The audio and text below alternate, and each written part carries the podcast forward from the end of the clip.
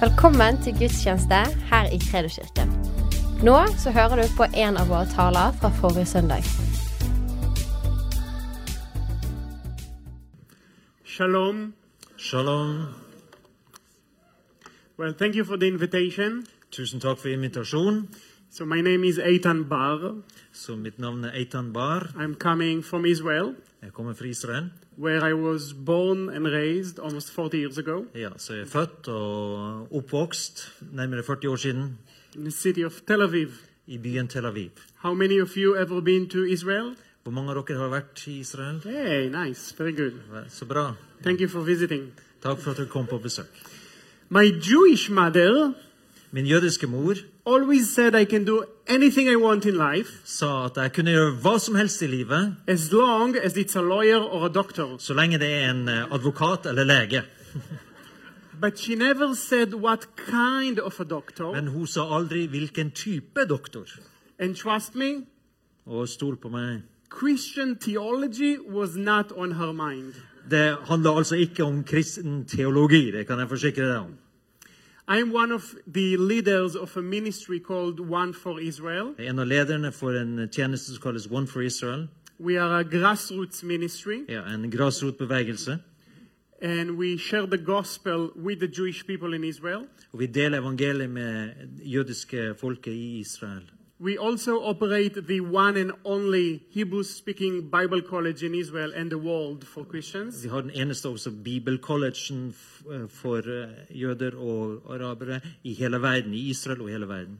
And we serve Jews and Arabs who follow Yeshua, Ja, Jesus. Vi tjener også jøder og arabere som f- følger Jeshua, Jesus. Today, I want to talk to you about Israel, anti Semitism, and evangelism. I dag vil jeg snakke om Israel, antisemittisme og evangelisering. I plead for your patience Og jeg ber om deres tålmodighet, because Hebrew is my first language and Norwegian is your first language. for hebraisk er mitt første språk, norsk er ditt første språk. But we have a good guy to fill in the gap for us. Men vi har en bra kar som kan fylle tomrommet. I have no idea what he said. You're nice. Okay. I think you all will agree with me that if a Christian reads the Bible, the scriptures, Jeg vil eh, anta at dere er enige med meg. Når en kristen leser Bibelen, Skriftene, he quickly finds out that most events takes place in Israel. så finner han fort ut at de fleste hendelser skjer i Israel. Jerusalem is mentioned over 800 times in scriptures. Jerusalem nevnes over 800 ganger. Israel is mentioned over 2,300 times in scriptures. Jerusalem nevnes over 2300 ganger i Skriften. Almost all the main You said, you, characters. you said E- Israel or Jerusalem? I said first Jerusalem and then Israel. Okay. So Many so- times. Move on. Hmm. So, almost all of the characters of the uh, Bible, mainly in the New Testament, are Israeli Jews like me. Ja, så de hovedpersonene i Skriften er altså jøder sånn som meg. Think about the book of Acts, Tenk på apostlenes gjerninger. the very first church in history. Den første kirken i historien. Almost exclusively Jews. så å si bare jøder. So you would think that today everyone in Israel is probably a Christian, Christian Jew. Så du tenker kanskje at i dag så er de fleste kristne jøder i Israel. But in Israel today, only 0.4% believes Jesus is the Messiah. Men i Israel så er det bare 0,4 som tror at Jesus er, er Messias. That is a drastic change. Det er en voldsom forandring fra den første tid. And about that change, I want to talk about that Men, change. og jeg vil snakke om den endringen som skjedde. There are quite a few historical, religious, and political uh, explanations for that change. Ja, Politiske, historiske og religiøse forklaringer for hva som skjedde, den forandringen som skjedde den gangen. But how, however we can explain it, there is a spiritual reality behind it. Uansett hvordan vi prøver å forklare det, så er det en åndelig virkelighet bak det. Maybe even two. Kanskje to også. One on our side, the Jewish people, En som har med oss som jøder å gjøre, som jødisk folk. and another one, let's call it call it a demonic um, resistance. Og en annen er altså det vi kaller for en demonisk motstand. Let's discuss us first. La oss snakke om oss først. Um, in Romans chapter 11, verses 25 and 26. Ja, Romerne 11, 25 og 26 kan vi få opp på skjermen nå. And instead of me reading it, I'll let.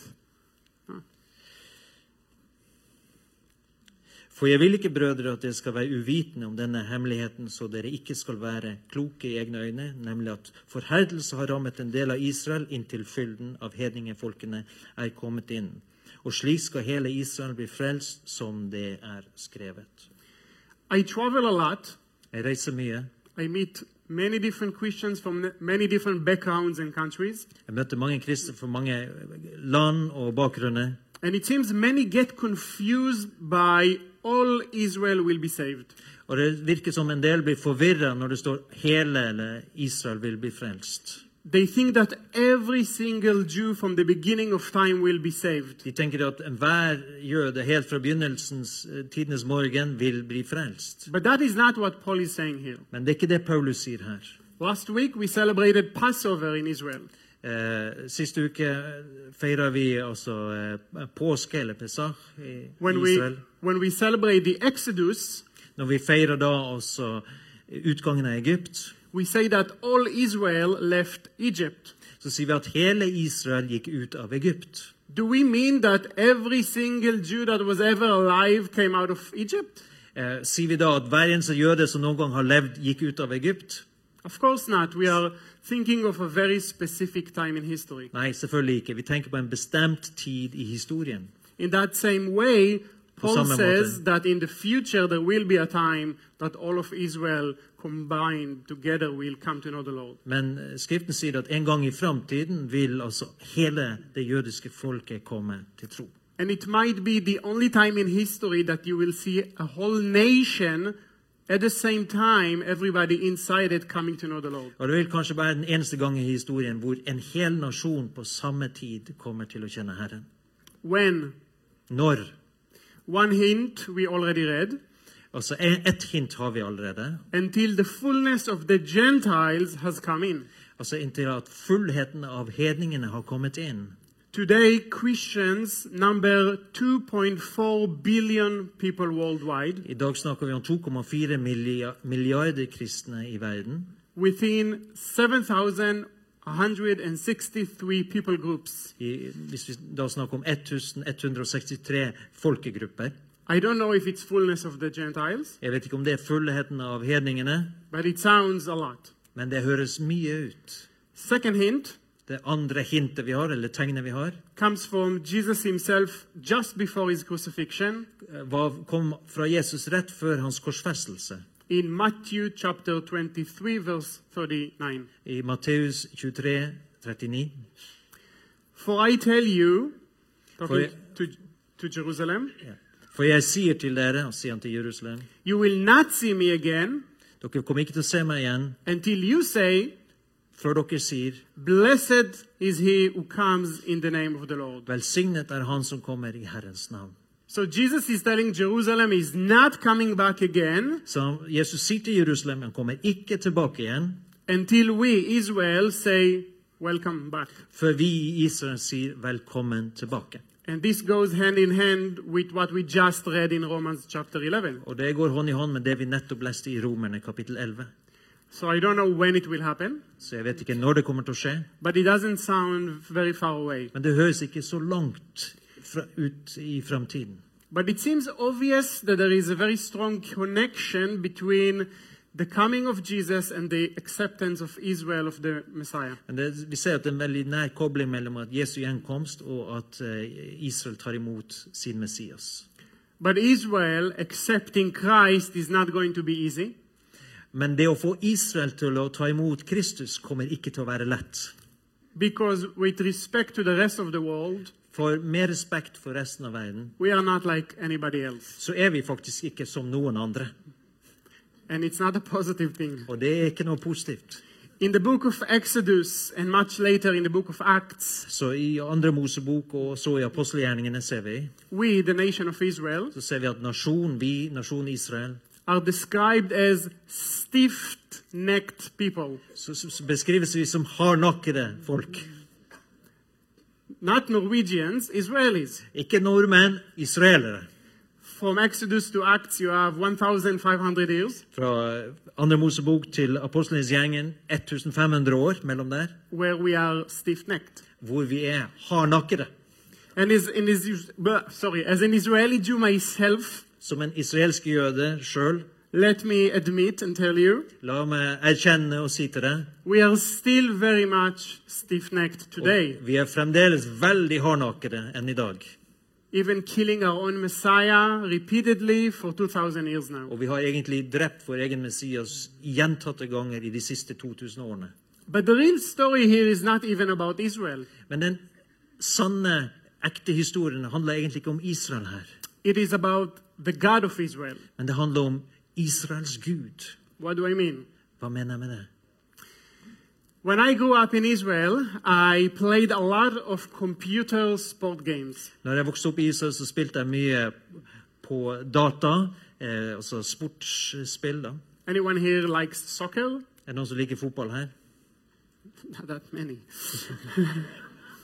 when you play soccer or any other sport on the computer, Når du eh, spiller fotball da på datamaskinen, you are the coach så er det du som er treneren eller coachen, and you get to select the team you want to play with. og så velger du ut det laget som du har lyst til å spille med. Most people will, sele- will select the wealthiest team Og de fleste vil da velge det, det laget som har mest penger, with the biggest squad med den største spillergruppen and the best players. og de beste spillerne, You know, like Bayern Munich or Barcelona. som Barcelona eller Bayern München. And then it's quite easy to win every single game and take the championship. Og da er det ganske lett å vinne hver eneste kamp og ta eh, mesterskapet. But then it's not really about you as the coach. Men da handler det jo egentlig ikke om deg som trener eller coach. It's about the team, the players, and the big budget behind it. Men da handler det jo mer om spillerne og det enorme eh, budsjettet som støtter opp om dette. If you want to prove that you are the best coach, Om du vil bevise at du er den beste coachen eller treneren, you need to pick the weakest team så må du velge det svakeste laget with the smallest squad med den minste spillergruppen, where all the players are stiff necked hvor alle spillerne er hardnakket, and have no budget because they are slaves in Egypt. og et lavt budsjett for de er slaver i Egypt. And with them, win games and win the championship. Og med dem så vinner du kamper og til slutt mesterskapet. That is why God is the greatest coach of all. Det er derfor Gud er den største coachen som noen gang har eksistert. Because he's going to win the game against Satan with us. For han kommer til å vinne kampen mot Satan med oss. Deuteronomy 7 7. Eh, Femte Mosebok 7.7. It was not because you were more in number than any other people that the Lord set his love on you and chose you, for you were the fewest of all people. Ikke fordi dere var større enn alle andre folk, var det at Herren hadde dere kjær og utvalgte dere, for dere var de minste av alle folkene. Fewest and slaves. De færreste, og vi var slaver. But from our rejection of Christ, Men fra at vi avviste Kristus, because we are stiff necked, fordi at vi er hardnakkede, salvation came to you. så kom frelsen til dere. Do you understand the logic behind this? Skjønner du logikken bak dette? Isn't it a bit of a strange logic? Er ikke det en litt merkelig logikk? I think you have to be an Israeli to understand that logic. Jeg tror at du må være israeler for å forstå den logikken. If we accepted Jesus as our leader, Hvis vi hadde akseptert Jesus som vår leder, not only that he wouldn't die for our sins, ikke bare det at han hadde dødd for våre synder, but we would never ever share him with you. så hadde vi aldri kommet til å dele han med dere. That is probably why we should be the very last ones to finally accept him. Kanskje det er derfor vi kommer til å være de siste som endelig tar imot han. So that's our story. Så det er vår historie. But I told you there is also a demon- demonic reality behind the scene. Men jeg sa også at det er en demonisk realitet bak scenen. Now, obviously, Satan doesn't want anyone to be saved, Åpenbart, Satan ønsker ikke at noen skal bli frelst. but it's not like he really cares about you. Men det er egentlig ikke sånn at han bryr seg så veldig mye om deg. He's only using you Han bruker deg bare. in his great game of chess against God. Hans store sjakkspill imot Gud. It is in Satan's best interest that we Jews will never believe in Jesus. Og det er hans, Satans, interesse at vi jøder aldri kommer til å tro på Jesus. Because as we saw, when we finally do believe in Jesus, Sånn som vi har sett, når vi endelig kommer til å tro på Jesus it means checkmate and game over for Satan. ja, Sjakkmatt, det er over og ut for Satan i det øyeblikket. We also say shachmat. so I believe that Satan is behind the other reason why we Jews find it very easy to reject Christ. Så jeg tror det at Satan det er bak den andre grunnen at vi eh, israelere, altså, f- eller jøder, finner det så enkelt å avvise og forkaste Kristus. And if I told you Judaism is stiff necked, Og jeg, visste- jeg sa at jødedommen, der vi har nok i det, Christianity can be stiff necked as well. så er det sant at kristenheten kan også være veldig stivnakkede. So in Judaism, there is a lot of preconceived ideas about who Jesus is, and all of them are negative. I jødedommen er det mange forutinntatte ideer om hvem Jesus er, er og det er all, de er alle veldig negative. And there is a reason. Og det er en grunn til dette. which we get to experience for 2,000 years now. Og det har vi erfart nå i 2000 år. And that is anti Semitism or anti Judaism in the name of Christ. Altså, det er antisemittisme eller antijødedom i Jesu Kristi navn. Time is very short, so I'm only going to choose a few examples Eh, tiden er kort, så jeg skal bare gi noen ko- få eksempel. of anti Semitism in church history in the name of Christ. Av antisemittisme i kirkehistorien i Kristi navn. Let's start with some church fathers. Skal vi begynne med noen kirkefedre? Saint Gregory of Nicaea, Sant Gregory of Nyssa. he said, The Jews are abroad of vipers, haters of goodness. Han sa det at jødene er altså som hoggorm, eh, et hoggormbol eh, hvor de hater eh, godhet. Saint Ambrose said, Eh, Sankt Ambros sa God always hated the Jews. It is essential that all Christians hate them as well. Gud har alltid hatet jødene. Det er helt avgjørende at alle kristne også hater dem. Have you heard about the Council of Nicaea? Har du hørt om eh, konsilen i Nikea? Constantine invited bishops from all over the Roman empires, Eh, Konstantin inviterte biskoper fra, eh, fra hele det romerske imperiet, but forbid those with Jewish background to come. men han forbød at de med jødisk bakgrunn kunne komme. In that council, they changed the Sabbath day to Sunday I, i det konsilet så endret de altså sabbatsdagen til søndager, and systematically removed anything Jewish from Christianity. og systematisk tok bort alt som kunne være jødisk fra kristendommen. forbidding to even have a meal with Jewish people. Og de forbød til og med det å spise sammen med jøder. Let's jump forward about a thousand years later, First Crusade, Nærmere 1000 år senere, første korstoget, maybe 800 years later. Mass slaughter of Jews by the Crusaders.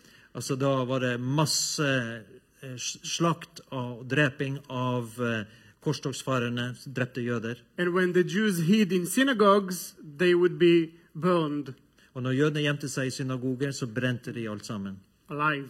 mens levende inn i synagogene. Inquisition and exile. Altså inkvisisjonen og det å bli utstøtt. The Inquisition took place from 12 to the 15th centuries, Og dette foregikk da fra 1200 til 1500. where the Catholic Church would force Jews to convert to Christianity by means of torture. Ja, hvor den katolske kirke tvang jøder t- til å bli kristne ved hjelp av tortur. And if a Jew would convert, Og hvis en jøde omvendte seg, eller konverterte, they would give him a new nickname, så ga de han et nytt kallenavn, Marano, Marano, which means a pig. som betyr en gris. Jumping forward, Martin Luther. Og så kan vi gå videre. Martin Luther. No doubt he brought a great reformation to the church, Uten tvil, han brakte en stor reformasjon til kirken. but at some point he also became very anti Semitic. Men på et punkt ble han også veldig antisemittisk. In year 1542, he wrote a book I 1542 så skrev han en bok on the Jews and their lies. som omhandla om jødene og deres løgner. And in the book, Luther encouraged Christians to burn down synagogues and Jewish schools. Og I boka så oppmuntrer han eh, kristne til å brenne ned synagoger og jødiske skoler. He wrote, Their private houses must be destroyed, burn their synagogues. Og Han skrev også deres private hjem må bli ødelagt, og brenn deres synagoger.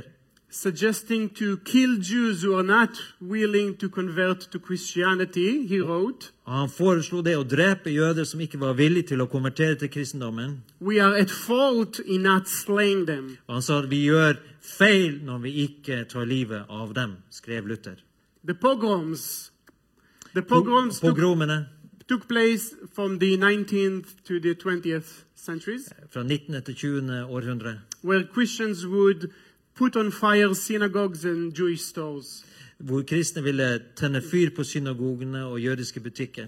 Now, when, when in the pogroms and in the crusades you burn down a synagogue, Og i pogromene og i korstogene, når du brenner ned en synagoge, do you know what else you burn? vet du hva annet du brenner også? You also burn the Hebrew scriptures, the Old Testament. Du brenner også de gamle hebraiske skriftene, Gamle testamentet. And that symbolically represents a lot of the way some Christians saw the scriptures and Judaism. Og det symboliserer den måten mange kristne så på jødedommen og skriftene, Gamle testamentet, på. Holocaust. Holocaust. In 1933, Martin Luther's wish finally came true I 1933 så kom endelig Martin Luthers ønske fikk sin oppfyllelse. when Adolf Hitler met with Bishop Berning. He said, Når Adolf Hitler møtte med biskop Berring, så sa han følgende I am thereby doing Christianity a great service by pushing them Jews out of schools and public functions. Jeg gjør herved kristendommen en stor tjeneste ved å drive dem, jødene, ut av alle skoler og offentlige funksjoner. We cannot ignore the fact that Christian anti Semitism is the stage for the Holocaust. Vi kan ikke benekte at kristen antisemittisme er, er, er grunnlaget for holocaust. And that is not even my statement. Og det er ikke bare jeg som sier. Archbishop Robert Runcie admitted Altså Erkebiskop Robert Russi sa følgende, eller without, Anerkjente. without the poisoning of Christian minds through the centuries, the Holocaust is unthinkable. Uten denne forgiftningen av det kristne sinnet gjennom s- århundrene hadde det vært umulig med holocaust. Uh, my grandparents were in the Holocaust. Mine besteforeldre var i holocaust. Uh, my, the Nazis took everything from my family Nazistene tok alt fra min familie, and became very poor. og vi ble veldig fattige. And at some point, where they took my grandmother to a camp, Og de tok min bestemor til en leir, uh, they started to torture her. og de begynte å torturere henne. They tied my grandmother, De bandt opp min bestemor, they pulled the nails out of her fingers, og de dro ut neglene av fingrene and hennes. they told her that that's because she rejected Christ. Og de sa dette gjør vi fordi du, du forkastet Kristus. Obviously, that is nonsense, Selvfølgelig, det er jo bare tull. but this is how we Jews understand Christians and Christianity. Men det er sånn vi f- jøder forstår kristendommen og kristne. Also, in the Holocaust, Også i holocaust. during Christmas time, Når det var jul, my grandparents and other Jews så var mine besteforeldre og andre jøder would hear the Nazi soldiers celebrating Christmas with singing Christmas carols. så hot- hørte mine besteforeldre og andre jøder nazistene feire jul ved, i kirkene og synge k- kristne julesanger. How distorted is that? Hvor forvridd er ikke det? But now you understand why, Men nå skjønner du hvorfor.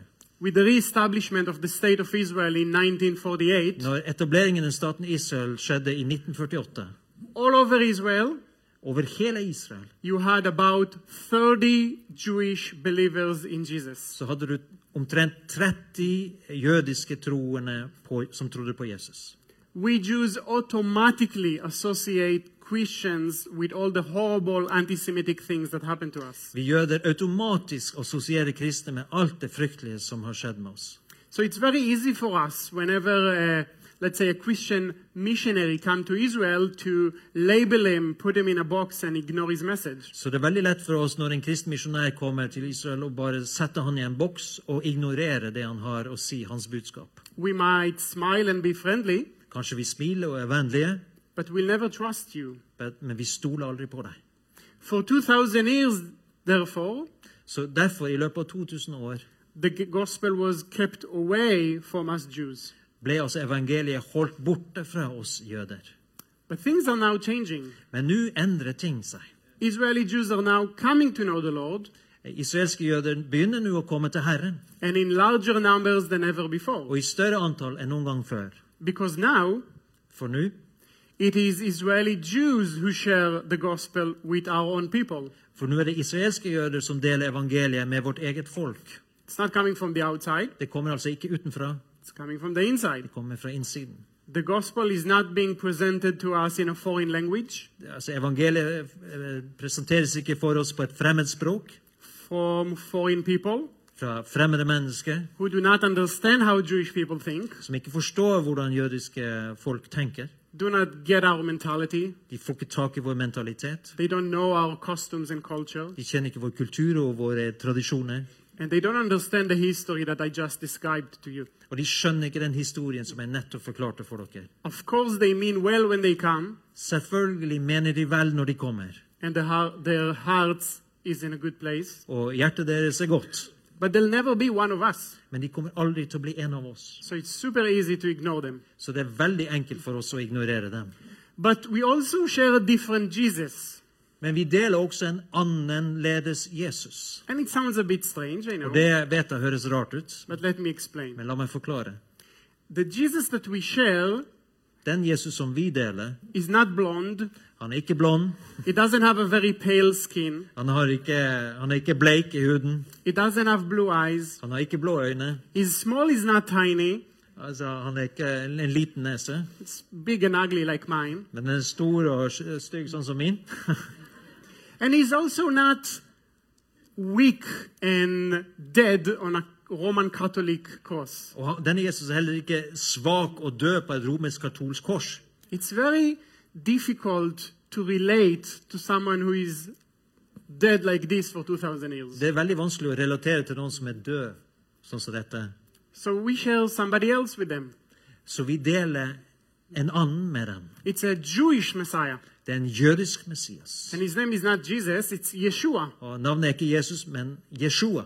Yeshua in Hebrew means salvation. Og på hebraisk betyr det frelse.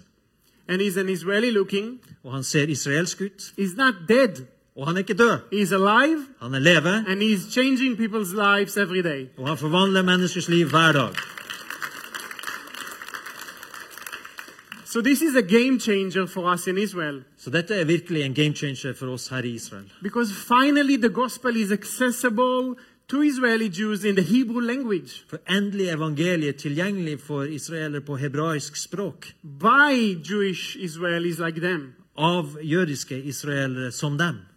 You know, up until a few years ago, Du vet, Inntil for noen få år siden the Orthodox rabbis successfully blocked the message of the gospel from the people of Israel. så klarte de, å- de eh, ortodokse rabbinerne å forhindre evangeliet å nå det israelske folket. And we cannot just walk into a synagogue and start sharing the gospel. Og vi kan ikke bare gå inn i en synagoge og begynne å dele evangeliet.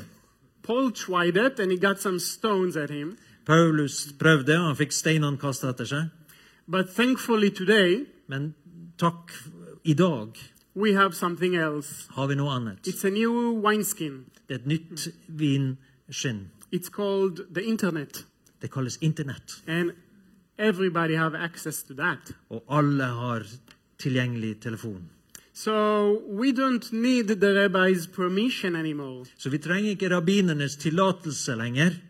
And we can not only share the gospel, Men nå kan vi dele evangeliet. but we can also publicly challenge the rabbinic way.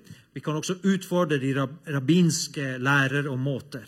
And we do it in front of the eyes of millions in Israel. Og vi gjør dette framfor øynene på millioner i Israel. But they don't really like that. Men det liker ikke disse rabbinerne. Do you remember the Pharisees in the New Testament? Husker du fariseerne i Nye testamentet? There used to be a lot of different sects in Judaism, Det det pleide å være mange ulike sekter i jødedommen, but only the Pharisees survived, and that's modern Judaism. men det var bare fariseerne som overlevde, for å si det sånn, og det er den moderne jødedommen. And if you remember, they didn't really like Christians. Og hvis du husker det, så likte de ikke de kristne. So in Israel, just like in Norway, everyone everywhere is connected to high speed internet connection. Så i Israel, sånn som i Norge, så er alle kobla til eh, internett, high speed. Very easy because it's a tiny little country. For det er veldig lett. Et lite land. We are first in the world in the amount of time we spend online, Vi er verdensledende når det gjelder tid vi bruker online. also leading the world in the amount of time we spend on YouTube watching video clips. Og vi er verdensledende når hvor mye tid vi bruker på YouTube for å se på videoklipp. So we meet Israelis where they are at, Så vi møter israelerne hvor de er. and that is not the synagogues, Og det er ikke i synagogen, it's online. men det er online. When I grew up in Israel, Når jeg vokste opp i Israel, nobody in the schooling system ever told us anything about Jesus. så var det ingen i skolesystemet som noen gang fortalte oss om Jesus. In 12 years, I do not recall the name Jesus being mentioned even once. I løpet av tolv år på skolen hørte jeg, kan jeg ikke minnes én gang at navnet Jesus ble nevnt. And that is not unique for me. That is the Og det er ikke unikt for meg. that's the average situation in Israel. Og det er den gjennomsnittlige situasjonen i Israel. Things have changed a little bit, Nå har det endra seg litt, grann, but still a lot of challenges. men fremdeles veldig mange utfordringer. Because if you walk into a bookstore in Israel Fordi at om du går inn i en bokbutikk i Israel, and you go to the religious section, og du går inn til de religiøse eh, bøkenes seksjon der and let's say today you feel like checking out Islam. La oss si at du har lyst til å sjekke ut islam. So you have a few different Hebrew translations of the Quran to pick from. Så du har flere hebraiske oversettelser av Koranen som du kan velge ut ifra. You go back home, you binge on the Quran all night. Du, går, du drar hjem, og du har lest gjennom hele Koranen hele kvelden. Tomorrow you feel like checking out mysticism from the East. Og i morgen så har du kanskje lyst til å finne ut av dette med mystisisme, eh, mystisisme fra Østen.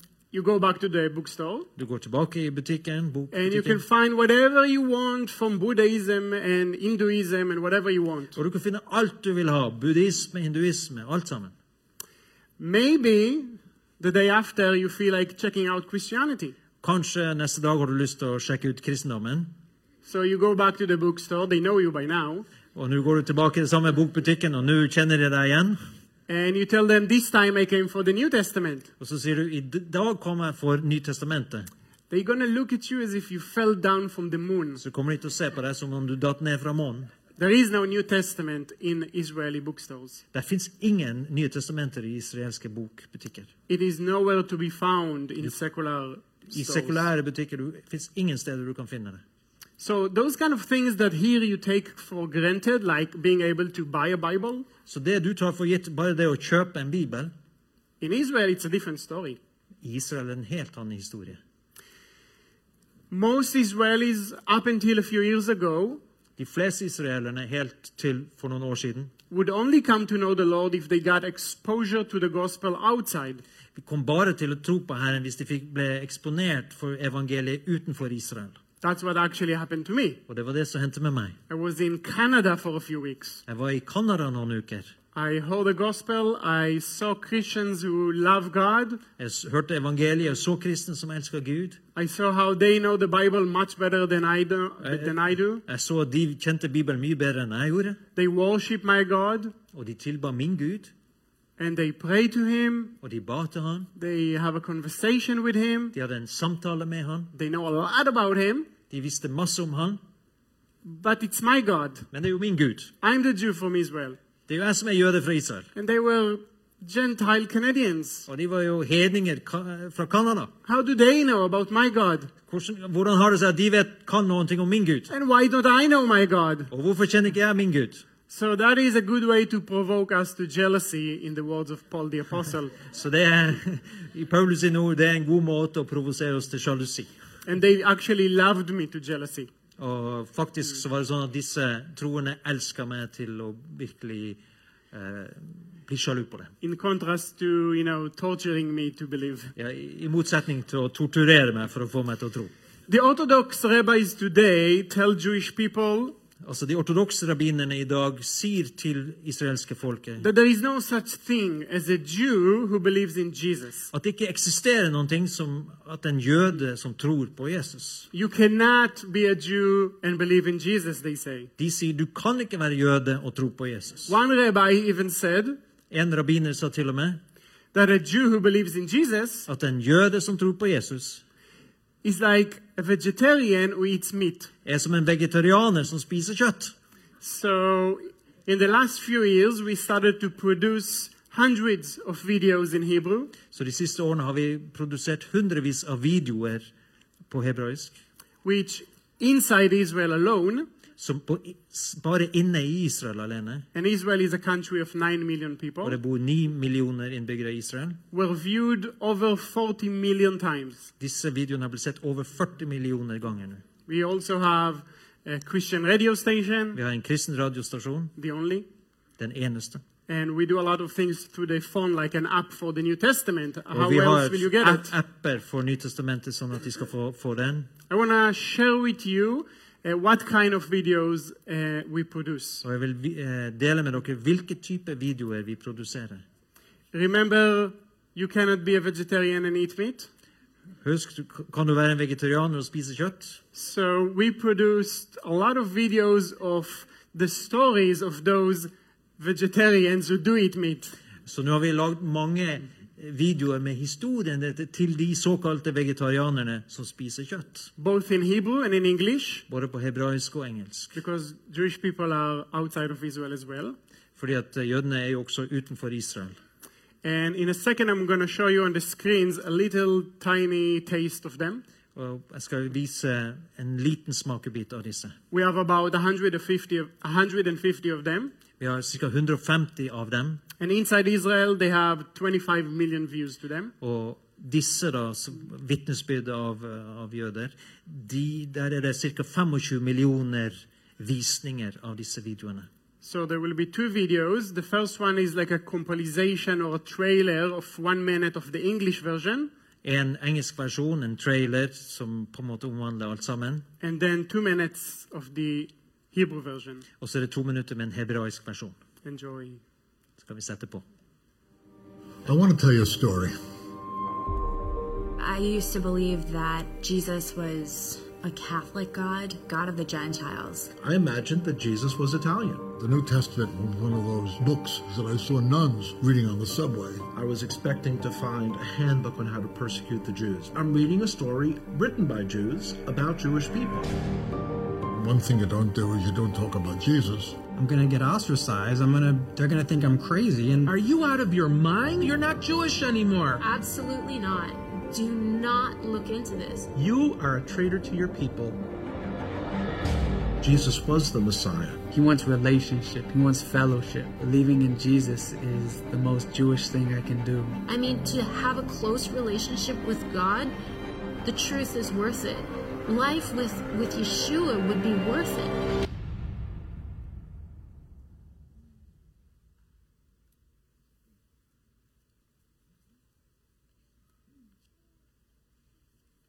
להיות מוחשב כאחד משונאי ישראל זה מצב מאוד מאוד לא נעים. ובאיזשהו שלב נורא פחדתי מהזהות של עצמי. מה יקרה? מה יגידו ההורים שלי? מה יגידו האחים שלי? לא יודעת איך אנשים יגיבו. עם ישראל הוא עם קשה עורף. כשאתה מאמין בישוע, אנשים יקללו אותך. קיבלתי איומים על החיים שלי. לקבל יריקה, לקבל דחיפה, לקבל החרמות וכן הלאה. אנחנו הולכים לעשות הכל כדי שאתה תפסיק להאמין. דחייה, שנאה, איומים. לא רציתי להפסיק להאמין. אבא שלי התחיל להרביץ לי. קיבלתי מכות. רק בגלל שאני מאמין בישוע. אסור לי לדבר על זה. ולכן האינסטינקט הוא להסתיר את זה. אף אחד לא צריך לדעת על זה. התביישתי בזה. זאת האמת. איך זה שעם שלם הולך אחרי הוראת שקר? האם מנסים להסתיר מאיתנו משהו? אלפיים שנה משקרים לעם שלי. ישוע. יהודי לחלוטין. הוא חיכה אלפיים שנה. ישוע הוא אל שדי, הוא משלנו. הוא המשיח היהודי. הוא מת בשביל כולנו. ישוע קפץ למים להוציא אותי. הוא נתן לי חיים במוות שלו. איך אפשר לא לתת את החיים שלך בשביל מישהו שעשה דבר כזה בשבילך? אין מצב שאני אגיד לזה לא. האהבה הזאתי. אהבה מושלמת. אנשים זקוקים לישוע. איך אני יכול לשמור כזה דבר בסוד? אני יהודי שמאמין בישוע המשיח. כבר לא חיפשתי להסתתר. אני לא יכולה להתכחש בתוך תוכי, והחלטתי פשוט ללכת אחריו. אין יותר אמיתי מזה עכשיו, כבר כל המדינה יודעים על זה. הרגשתי חופשי, ממש חופשי וקל.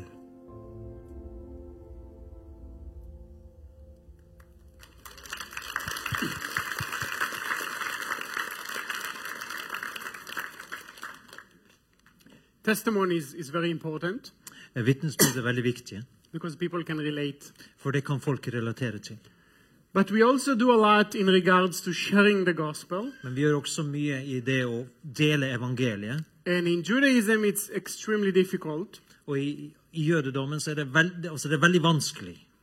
because the Orthodox rabbis have been developing 2,000 years worth of objections against Jesus. Fordi at i 2000 år har rabbinerne utvikla altså mot, mot argumenter mot Jesus. So for us, sharing the gospel includes also apologetics. Så for oss så inn, innebærer også det å dele troen apologetikk, altså trosforsvar. Answering those objections, Vi må svare på de, eh, den motstand, de motargumentene, explaining the logic behind the gospel, og forklare logikken bak evangeliet. because you have to remember that Jewish people already have doctrines in their minds. For du må huske at jødene allerede har doktriner i sine sinn. They see God in a, in a certain way, De ser på Gud på en bestemt måte, and the gospel presents God in a different way. og evangeliet presenterer Gud på en annen måte. So we have to go back to the Old Testament, to the Hebrew scriptures, Så vi må tilbake til Gamle testamentet, til de hebraiske skriftene, and show them how the Old Testament points to Yeshua. og vise hvordan Det gamle testamentet peker mot Jeshua.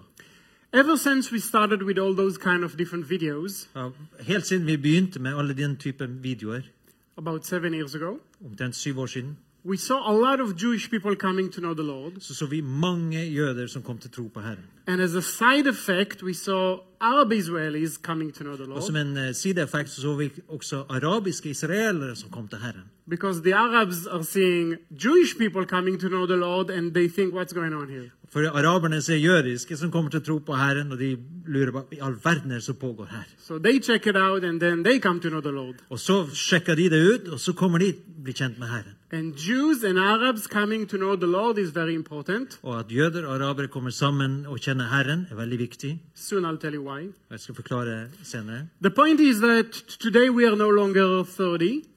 Eh, Poenget er at vi er ikke lenger 30 stykker. We are at least 30,000 believers in Israel. Vi er minst 30 000 troende på Jesus i Israel nå. This is a wonderful situation that led to two things. Dette er en vidunderlig situasjon som har medført to ting. Of course, Jewish people are coming to know the Lord and hearing the gospel, Først selvfølgelig at jødene kommer til eh, hører evangeliet og kommer til å tro på Herren.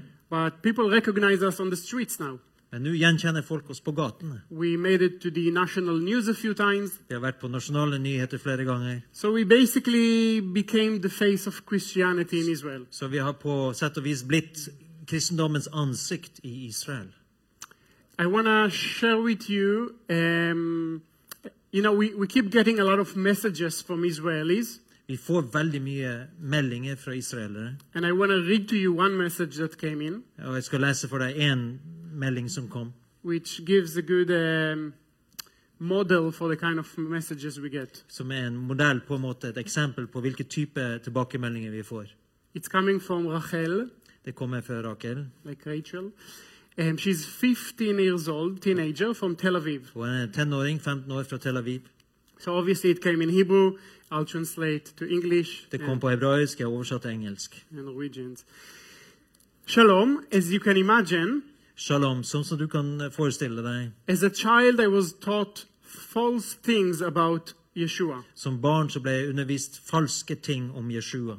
Two days ago, For to dager siden we've learned in history class about how 2,000 years ago a new religion began Christianity. så lærte vi i to- historietimen om at det kom en ny religion for 2000 år siden, altså kristendommen.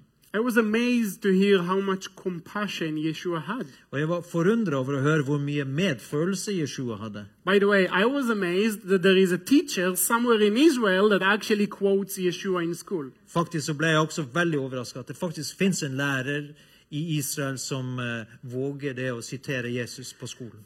The next day, Neste dagen there was an advertisement on YouTube for your videos. så var det da en annonse for dine videoer på, på YouTube. I always ignore these ads and just click skip. Jeg pleier alltid å ignorere slike reklame og bare trykke på eh, 'gå videre'. But I decided I do want to watch the whole thing. Men så bestemte jeg for jeg hadde lyst til å se hele greia. So I did, and it really grabbed my attention. Så det gjorde jeg. Det, så jeg, det fanga virkelig min oppmerksomhet. I ended up watching 50 more. Så jeg endte opp med å eh, se 50 videoer til. Long story short, I have made a decision. Truth is on your side. Eh, For en eh, lang historie kort. Jeg har tatt en beslutning. Sannheten er på din side. And the rabbinic Judaism I grew up with around me is full of agendas, false teachings, and is basically a man made religion. Og den rabbinske judaismen, eh, eller jødedommen som jeg har vokst opp med, er full av agendaer, falske lærer og hoved, altså grunnleggende en menneskelaget religion. I don't have a unique story to tell, Jeg har ingen unik historie å fortelle, but I saw the truth and I cannot look back. men jeg så sannheten, og jeg kan ikke lenger se meg tilbake. It is important for me to live in truth, Det er viktig for meg at jeg lever i sannheten, not in a lie. ikke i en løgn. Now, although I am still in high school Selv om jeg fremdeles er på ungdomsskolen, and I don't know any other Jewish believers in Jesus, og jeg kjenner ingen andre jødiske troende på Jesus. and I know people will tease me and be upset with me if they knew that I now believe in Yeshua. Og jeg vet at folk ville erte meg og være vel, bli opprørte hvis de visste at jeg trodde på Jeshua som Messias. It is important for me to find out how to live as a follower of Yeshua. Så det er viktig for meg å finne ut hvordan jeg kan leve som en etterfølger av Jeshua. And she really meant it Og hun mente det virkelig. because soon enough after, Kort tid etterpå she led her mother to the Lord, så leder hun moren sin til Herren, and even her dad started to come to the church services. og til og med faren begynte å komme på gudstjenestene. So those are the positive things. Så det er de positive tingene. But remember again the Pharisees? Men du husker fariseerne? So some of those Pharisees are after us. Så noen av disse fariseerne går etter oss. So me and some other teammates, we get death threats all the time. Så jeg og en del av teamet vårt får dødstrusler hele tiden. I'm not a wealthy person, so I cannot buy a home, so we move a lot. We rent, we Jeg er move a lot. ingen velstående person, så vi har ikke råd til å kjøpe et hus, så vi flytter rundt ganske mye. And every time we move, there is another story that happens with the Pharisees. Og hver gang vi flytter, så kommer det en ny historie med fariseerne. One time, they threw a bag of feces into the backyard, En gang så kaster de en sekk med ekskrementer inn i bakgården. so we decided we'll never live in a house again. Så vi bestemte oss vi skal ikke bo i et hus eh, igjen. We found a tall building, Vi fant en høy, en høy bygning, and we moved to an apartment high enough that nobody can throw anything. så vi flytta inn i en leilighet høyt nok så ingen kan kaste noen ting inn i huset vårt. Once again, they found out where we live. Enda en gang fant de ut hvor vi bodde. They printed a lot of uh, pamphlets Ja, de trykte da pamfletter with pictures, names, and a lot of lies about me. med løgner, navn og en masse løgner om meg. and put it all over the neighborhood's mailboxes. Og la det i alle postkassene i hele nabolaget. So it's fun, Så dette er moro. never boring. Aldri kjedelig. On another occasion, they broke my car. En annen gang så eh, knuste de bilen min. They came out with videos that they share a story on them, Eh, ja, de har la, produserer videoer så hvor de lager opp historier. and in that story, they say that I had an um, debate with a rabbi. Og I denne historien forteller de at jeg hadde en debatt med en rabbiner. And because I couldn't answer his questions, Og fordi at da jeg da ikke kunne svare på hans spørsmål, then I beat him up. så sj- hjul- banka jeg han opp. Obviously, in case you're wondering, it's a lie. Eh, Åpenbart, om du lurer på det, så det er en løgn. They hacked my personal email and accounts on social media and spoke to people in my name. Ja, De hacka altså med, eh, e-mailen og s- sosiale medier og snakka til folk i mitt navn. And a few weeks, a few months ago, they actually took us to court. They sued us. Og For noen måneder siden så eh, anmeldte de oss og satt, eh, begynte en sak imot oss. It was a, a Hasidic Orthodox Jewish family Eh, Hasidic, ortodoks jødisk familie. that their teenage son watched our videos and came to know the Lord. Deres tenåringssønn så våre videoer og kom til tro på Herren. So they decided to sue us. Så de bestemte seg til å gå til sak mot oss. And two weeks ago in court, Og for to uker siden i retten the judge told them, så sa dommeren til dem Are you seriously suing for that? er det, Mener dere virkelig at dere går til sak på, grunn, på dette grunnlaget? Are you asking me to change what? Freedom of speech? Ja, du ber dere meg om at vi skal endre dette med talefrihet. So she told them, I give you a few days to either withdraw or send again revised version. Så dommeren sa jeg gir dere litt tid, enten å trekke saken eller å komme med en ny sak. The judge, the judge was very nice to them, but they didn't get the hint. Dommeren var veldig snill mot dem, men de tok ikke hintet. Not very wise lawyers. Ikke veldig vise eh, advokater de hadde. They resubmit. De kom igjen med en ny sak, So she decided to cancel the entire lawsuit. så hun bestemte seg for å, å stoppe hele saken. She fined them, and she also fined them to give us money. Og hun ga dem en bot, og så eh, dømte hun dem til å betale oss penger også. So again, there is a lot of action going on. It's like the book of Acts all over Så det again. er mye action, altså. Det er som apostelgjerningene på nytt igjen. But it's important for me to emphasize something. Men det er viktig for meg å legge vekt på noen ting.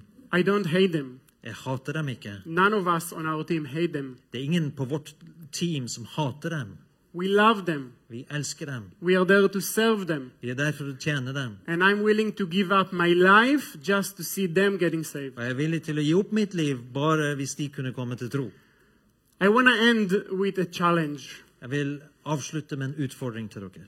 How many of you are praying for the peace of Jerusalem? Hvor mange er det som ber om fred for Jerusalem? So, first of all, thank you. Først, tusen takk. And when you do that, as you see in Psalm 122, pray for the peace of Jerusalem. Og når du gjør det, du ber ut Salme 122 om fred for Jerusalem, Don't think about political peace. så, så ikke tenk på politisk fred. True peace can only be found Sann fred kan bare bli funnet in the Prince of Peace, i fredsfyrsten, which is Jesus. som er Jesus. So, if you want to see peace in the Middle East, Så hvis du vil se fred i Midtøsten, what you actually want to pray for det du faktisk øns vil be for, is for Jews and Arabs to come to know the Lord. er for at jøder og arabere og kom bli kjent med Herren. because he is everyone's Prince of Peace. For han er alles fredsfyrste. Tusen tak. Thank you. Shalom. Shalom. Tusen takk for at du lyttet. Følg oss gjerne på Instagram og Facebook, og så snakkes vi neste uke.